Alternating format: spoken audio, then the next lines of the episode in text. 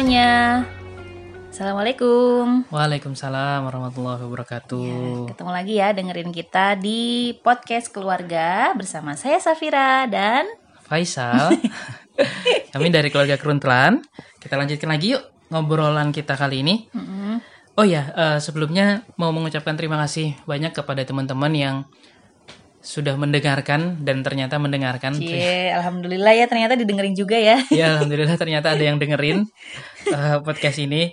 Eh, dan ya itu jadi bahan bakar ya, bahan bakar bagi kita, penyemangat bagi kita untuk tetap bikin podcast ini karena untuk sama-sama belajar ya.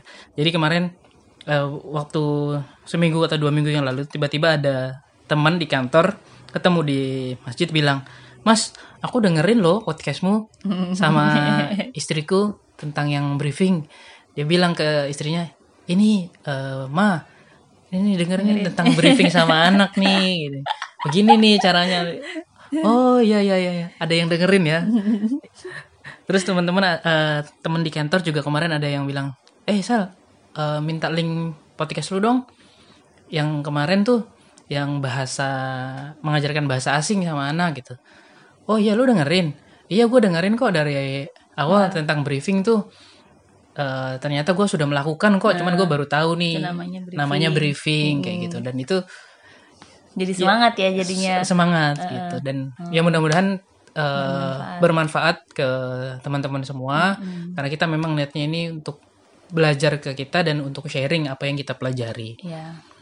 Terus juga yang pas kemarin ada yang eh, pas bahas bahasa asing itu kan mungkin memang agak agak eh, bisa dibilang agak kontroversial gitu ya. Karena mungkin ada berapa yang beda, Beda prinsip. pendapat gitu, beda prinsip. Karena eh, dari teori yang beda misalnya. Dan itu nggak masalah. Akhirnya itu juga eh, bikin kita belajar lagi kan. Kalau misalnya ditanya gitu kita oh iya ya tadi ngomong apa ya? Yang mana ya? Ini dari teori yang mana ya? Jadi kita akhirnya eh, belajar lagi gitu. Ya, jadi senang lebih, aja sih. Ya, kita lebih mendalami. Dan eh, terbuka aja ya dengan semua Iya. masukan, semua diskusi. Iya, betul. Memang kalau misalnya parenting itu kan banyak teorinya, banyak eh, praktisi. Kita bukan praktisi, kita juga belajar. Kita juga belajar dari berbagai macam eh, orang. Dan yang kita sampaikan di sini adalah yang apa yang kita yakini Iya, dan yang kita eh, sudah lakukan atau kita sedang pelajari Iya, kayak gitu.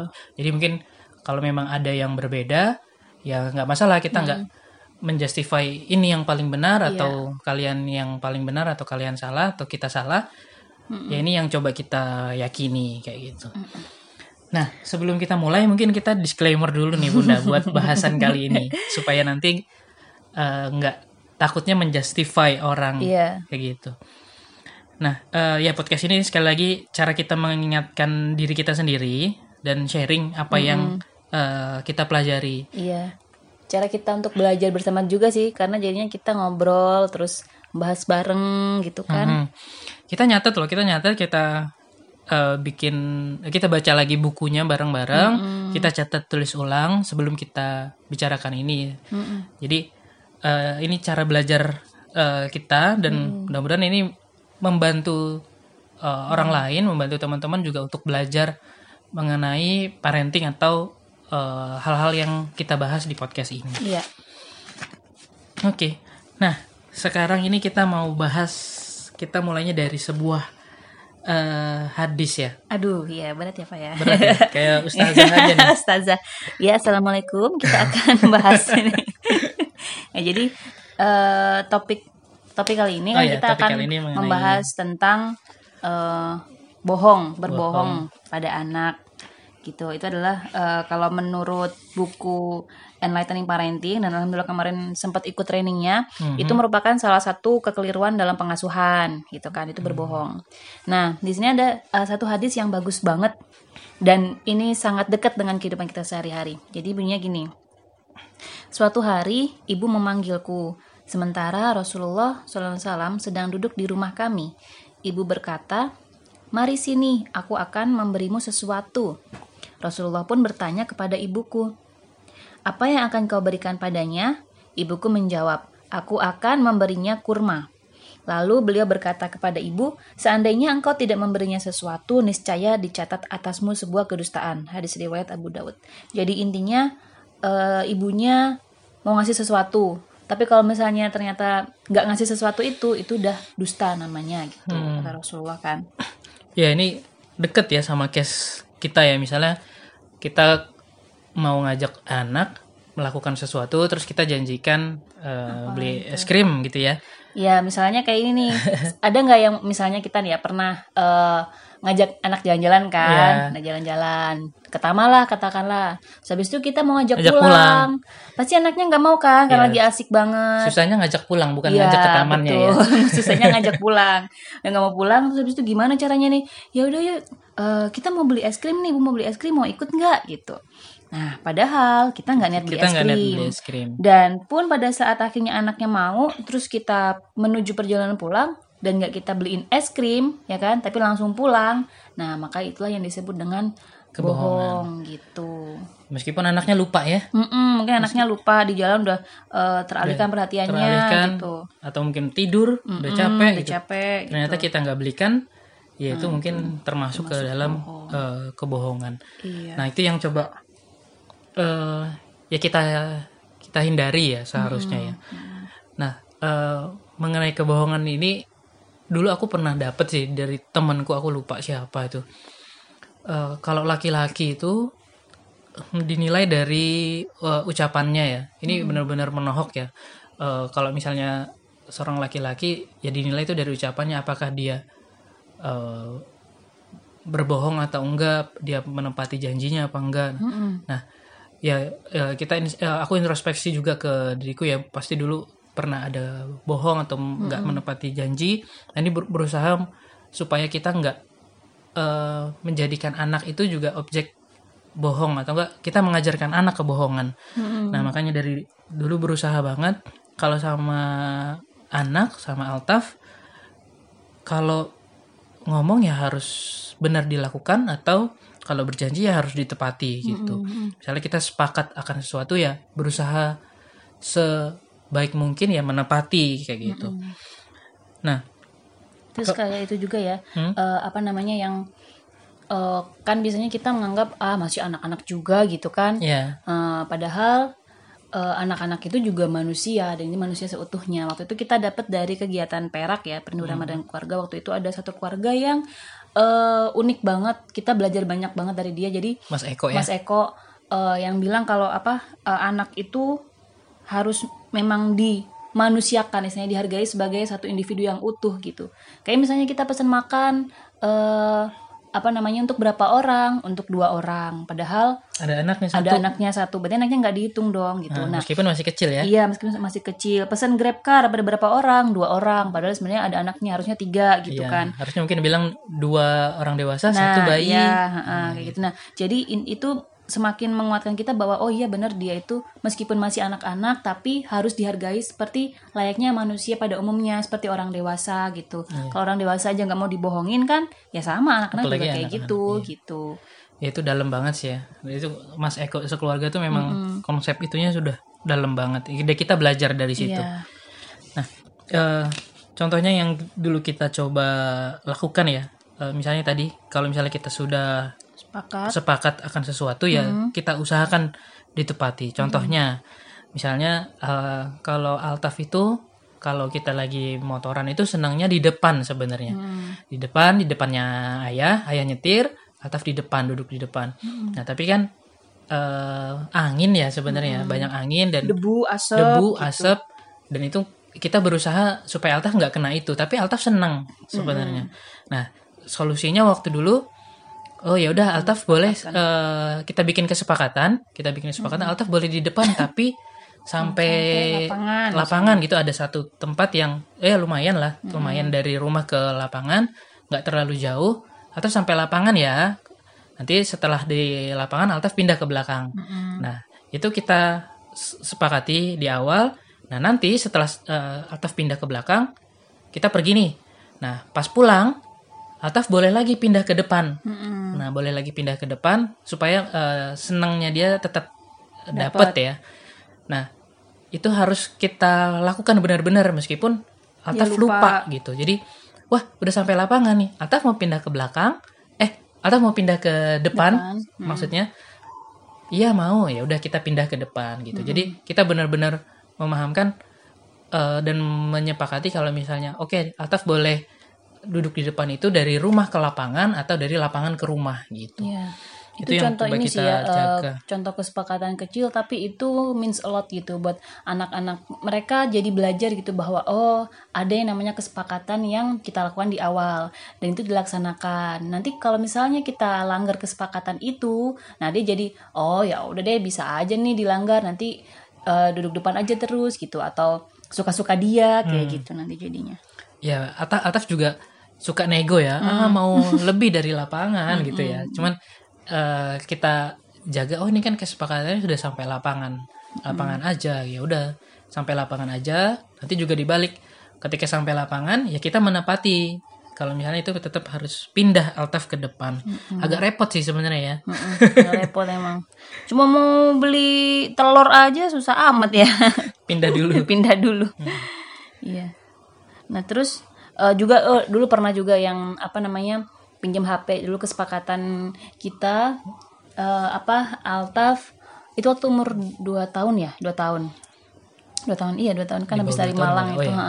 itu apa namanya boleh pinjam HP 10 menit setiap eh, satu hari tiga kali pagi siang dan sore masing-masing 10 menit nah eh, misalnya dia lupa mis- eh, kalau waktu itu sih masih sering kelewatan sih ya masih sering kalau misalnya siang gitu dia tidur atau lupa ya udah nggak diingetin. Padahal seharusnya diingetin karena itu udah sepakat dan itu adalah haknya dia gitu. Nah terus tapi kalau malam misalnya dia lupa kita ingetin bahwa eh Altaf ini sudah waktunya pinjam HP Altaf mau pinjam gitu padahal mah kalau lupa ya lupa aja kita ah mumpung anaknya lupa nih kita nggak usah ingetin aja gitu biar nggak pinjam HP harusnya kan bisa kayak gitu ya tapi enggak kita eh, lakukan sesuai dengan kesepakatan itu kayak Iya. gitu sampai sekarang kesepakatannya berubah udah nggak Iya. sehari tiga kali ya Mm-mm, tapi hanya malam hanya aja malam aja gitu.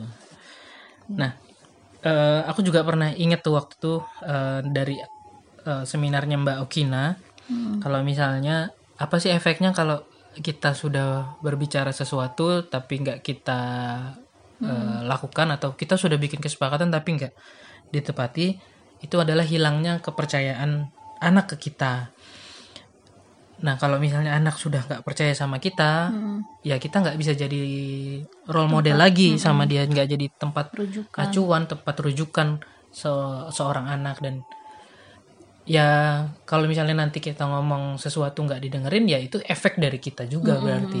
Kayak misalnya apa namanya mungkin kita kayak tadi ya kita mau ngajak pulang eh, anak lagi main nggak mau ayo kita pulang. Oh ya kita mau mampir ke Indomaret dulu deh gitu. Padahal enggak. Mau ikut nggak? Mau ke Indomaret nih gitu. Padahal enggak ya. Berarti kan kita bohong. Nah nanti anak mungkin dengan pola yang seperti itu anak juga akan bisa meniru gitu kan Eh, enggak nih eh, bunda cuman mau ke pasar aja kok gitu. Padahal ternyata kita mau jalan ke mana gitu ya. Nanti mungkin suatu saat ya nauzubillah ya anak jadi meniru. Mau ke mana nak? Eh, dia bilangnya mau les gitu. Ternyata dia main, gitu kan.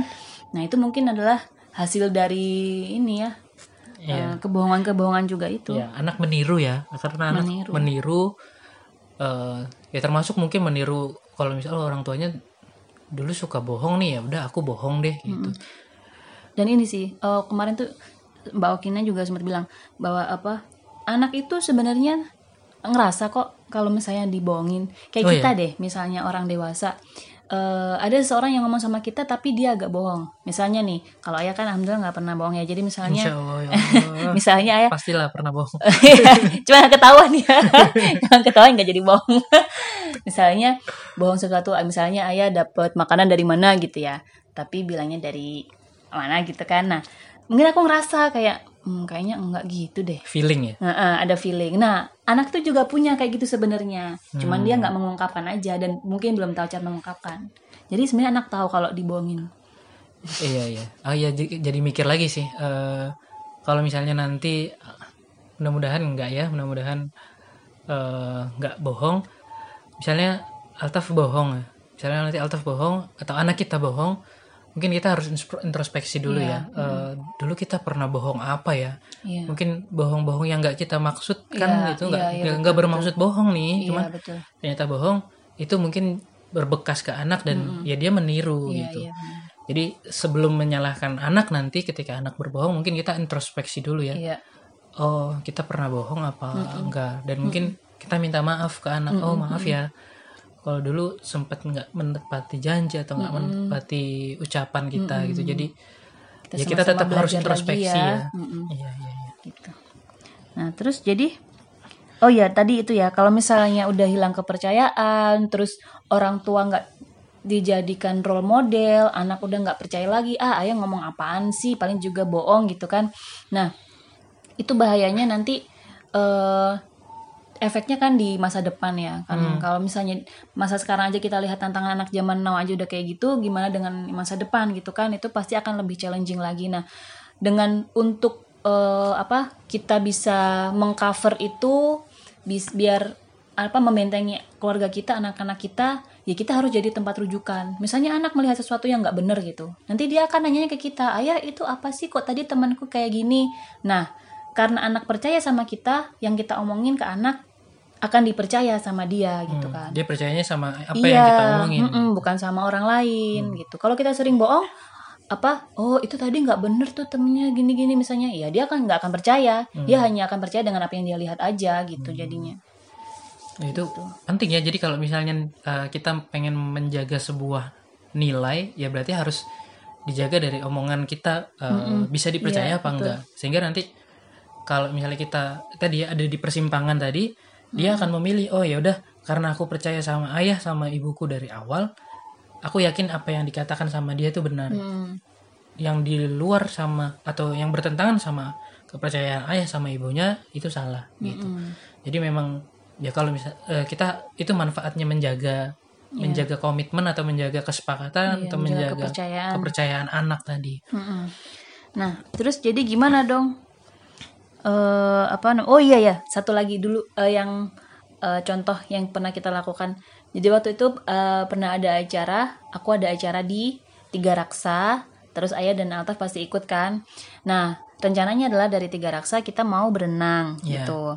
Nah, ya udah dibilang ke Altaf, di briefing segala macem. Udah, akhirnya dia mau ikut berangkat pagi-pagi.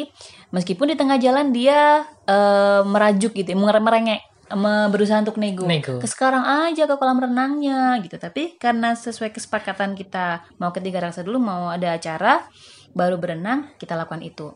Nah, pun setelah kita selesai acara di Tiga Raksa itu terus eh, siang-siang yaitu ya udah menjelang sore Altaf tidur kecapean. Sebenarnya bisa aja kan karena kita juga udah capek Pulang aja. pulang aja gitu. Toh Altaf juga lagi tidur kan dia nggak akan nagih gitu, eh nggak akan eh, nggak kebangun Hmm, gitu. dan kita bisa alasan Altaf kan tidur. Iya kan? bisa alasan kayak gitu gitu. Nah tapi enggak karena kita udah janji kita udah sepakat kita tetap belok ke kolam renang. Bahkan di parkiran pun dia masih tidur ya Kita kan. tungguin sampai kita bangun. tungguin sampai dia bangun. Baru nah pas ketika bangun, wah kita di kolam renang. Nah dia akan merasa oh iya bener nih tadi orang tuaku janji begini sekarang ditepati. Nah kayak gitu Iya iya. gitu. Ya, eh gitu kita bisa juga lo bilang ke uh, anak uh, misalnya uh, apa namanya uh, tadi bunda udah janji ya kita ke kolam renang sekarang bunda tepati kayak gitu. Nah jadi supaya tahu bahwa itu adalah namanya menepati janji gitu. Oke, kita lanjutkan. Ada Altaf nih sekarang. Udah bangun. Udah bangun. Udah bangun. Oh iya, kita lanjutkan. Dulu juga pernah ada ada case kalau misalnya kita mau ngajak Altaf main mobil di ada tuh daerah Sepatan di Royal Living. Altaf senang banget main mobil di sana. Nah, eh, Altaf bilang pengen ayah main yuk gitu. Eh, kita main mobil di sana. Mm-mm. Tapi kita sebenarnya nggak nggak Nggak bertujuan ke sana. nggak tujuan ke sana nggak ada plan main ke sana nah kita kita bilang lain kali ya Al ya karena memang kita nggak ada rencana ke sana Nggak mau, mau mau main mobil. Biasanya Iya. anak kayak gitu biasanya. iya. Mm-mm. nah kalau misalnya memang kita kita langsung mikir juga tuh kita punya waktu nggak ya buat eh, ngerencanain kita langsung ngerencanain eh gimana bunda kalau besok atau lusa kita bisa nggak main ke sini malam-malam? Gitu. Jadi kita langsung berpikir cepat Langsung cari langsung atas- cari plan Heeh, cari plan. lalu bilang ke Altaf oh yaudah besok gimana ya? Boleh deh besok. Ya udah kita langsung bilang sama Altaf. Eh, kita bilang sama Altaf ya udah eh, besok ya kita mainnya itu eh, dengan kita bilang besok kita udah tahu oh ya benar kita Mm, dan benar-benar main besok kayak gitu Mm-mm. Jadi Jadi nggak nggak asal bilang gitu ya. Nggak deh besok besok besok aja deh gitu. Padahal nggak ada rencana yang emang nggak niat ya ini juga. Cuma biar biar mengalihkan aja gitu ya. Iya, dan ya tadi harus memilih bahasa yang baik ya. Misalnya tadi memang kita nggak punya rencana, ya udah eh, Altaf maaf ya kita belum ada rencana. Lain kali ya kita mainnya ke sana gitu. Mm-mm. Ya Altaf Mungkin at the time uh, anak nggak langsung Sedih, ya. gitu ya, masih merengek atau apa. Tapi nggak apa-apa, kita jalankan aja gitu. Dan karena ada alternatif besok, maka besok ditepati. Jadi ketika anak merengek itu, oh ada alternatif besok kok gitu. Asal kita jalankan beneran gitu. Iya. Kalau misalnya memang nggak ada alternatif, misalnya kalau kita kan masih eh, Tangerang Depok ya, Hmm. besok udah ke Depok. Altaf maaf ya, eh, kita belum ada rencana dan belum ke ada waktu buat ke sana. Altaf sedih ya, ya nggak apa-apa. Ini, ini eh, bagian dari menjelaskan yang sesungguhnya gitu. Hmm, lain kali ya. Lain kali ya, kayak gitu. Nah gitu. Jadi Caranya gimana tapi bunda supaya nggak bohong? Mm, supaya atau nggak bohong. Gimana bun? Jadi caranya mungkin tadi yang dibilang sama ayah ya. Yang pertama eh, ayah sama ibunya harus kompak. Jadi kalau misalnya mau mengatakan sesuatu, menjanjikan sesuatu itu harus kompak. Misalnya kayak tadi case yang mau main mobil. Misalnya eh, kita belum bisik-bisik nih. Terus ayah bilang "Eh, ya udah besok deh, besok aja ya gitu. Tapi bundanya ya nggak bisa besok kan. Bisa kan? Heeh, gini gini gitu. Nah, Nggak sepakat nggak ya? sepakat jadi kita nggak kompak nah akhirnya itu bisa eh, berpotensi untuk melanggar kesepakatan gitu kan Iya. nah jadi yang pertama ayah sama ibunya tuh harus kompak dulu nah terus Katakan yang katakan yang sebenarnya. sebenarnya yang sebenar-benarnya eh, faktanya gimana rencananya kayak gimana gitu Ya kalau memang eh, kita pengen pulang ya cuman pulang ya ya saya katakan aja gitu. pulang kalau misalnya anak nggak mau nah itu nanti bikin strategi yang lain gitu Strategi apa sih? strategi yang lain misalnya kita bikin pilihan gitu Eh, misalnya kalau anaknya nggak mau pulang ya "Eh, nak kamu mau pulang eh, ikut ayah dan ibu pulang sekarang abis itu nanti di sana kita baca buku banyak atau? eh, pulang 10 menit lagi Mhm. tapi cuman baca buku dua misalnya kayak gitu. Tapi tujuannya tetap kan tujuannya ingin ngajak anak pulang gitu. Nggak pakai ancaman nggak pakai menakut-nakuti atau bohong kayak gitu. Disesuaikan sama kebiasaannya anak atau kesenangannya anak Iya, ya. Kalau misalnya tadi kan baca buku. baca buku Misalnya baca buku. ya udah berarti eh, dijanjikan akan baca buku yang lebih banyak kalau misalnya dia ikut sama kita. Kalau misalnya eh, baca bukunya lebih sedikit kalau misalnya dia ada waktu negonya kayak gitu. gitu. Terus itu sebenarnya nanti kalau untuk memberikan pilihan ada juga sih strategi. Nanti mungkin suatu saat akan kita bahas sendiri ya di podcast yang lain. Kalau ada waktu dan kalau ingat. Iya iya iya iya terus Ya, yang ketiga adalah kita harus pintar memilih bahasa, membahasakannya. Jadi supaya Jadi misalnya eh, misalnya nih kita lagi pergi ke toko gitu, habis itu anaknya minta es krim. Nah, mungkin sebagian dari kita ada yang langsung mengiyakan gitu kan, langsung ya udah boleh dan mungkin akhirnya itu akan jadi kebiasaan. Terus menerus terus lama-lama kan enggak besok yang kemarin kan udah gitu kan. Jadi kan nggak ada karena nggak ada kesepakatan, terus eh, eh, maunya anak langsung diikutin aja, jadinya kayak gitu kan. Nah, padahal kita bisa berusaha membahasakan yang baik, misalnya. Contohnya lagi yang lain, misalnya kita mau beli eh, mainan, mainan iya diajak ke mana gitu ya terus ngeliat mainan kan suka nggak tahan ya anak-anak. Iya, suka pengen beli semua. Nah, Eh, em, kalau supaya kita menahan, kit- eh, cara mana cara membahasakannya, ketika mau beli kita bilang dulu, eh, Altaf saat ini belum belum ada uang, eh, kita nabung dulu ya gitu. Nah, kalau memang benar-benar nggak ada uang ya, ya tapi kalau benar-benar nggak ada uang. kalau uangnya ada jangan bilang gitu ntar Iya. didoain jadi diaminin lagi nah kalau dan setelah itu kita benar-benar menabung, misalnya Altaf nih alhamdulillah sudah dapat eh, uang dari siapa gitu, kita tabung, dari kakek nenek kayak. kita tabung dan ketika uangnya sudah cukup, kita bilang sama Altaf, Altaf ini uangnya sudah cukup buat beli apa dulu beli robot ya, iya dulu beli robot polisi, jadi kita beli ya, kita beli pakai uang tabungannya Altaf ya, ya gitu. Jadi sehingga anak eh, udah tahu kesepakatannya kalau misalnya kalau mau beli sesuatu ya harus nabung Mm-mm. kayak gitu. Nah, itu cara cara menurut kita ya dan yang udah kita Ya, yang kita lakukan. aja ya. Betul. Jadi yang tadi yang pertama eh, ayah dan ibunya harus kompak, terus habis itu katakan yang sebenar-benarnya eh, dan pintar-pintar kita membahasakannya. Oke. Oke. eh itu sekali lagi itu cara kita, cara kita untuk mensiasati supaya kita de- pada prinsipnya kita nggak pengen bohong dari cara kita mensiasati supaya kita nggak berbohong ke eh, anak seperti itu. Kalau misalnya teman-teman punya cara yang lain dan mau di share ke kita caranya, eh, please info ke kita, please komen ke kita supaya kita jadi belajar. Karena memang ini eh, supaya buat kita belajar juga ya. Iya, betul. Oke. Oke, kalau misalnya ada ada eh, ada diskusi la- lagi, eh, sil- Silakan tinggalkan pesan. silakan di komen ya di podcast kita atau di Instagram kita. Iya. Oke, Udah. semoga bermanfaat. Semoga bermanfaat. Terima Dan- kasih telah mendengarkan. Terima kasih sudah mendengarkan. Assalamualaikum. Ya, Assalamualaikum. Waalaikumsalam.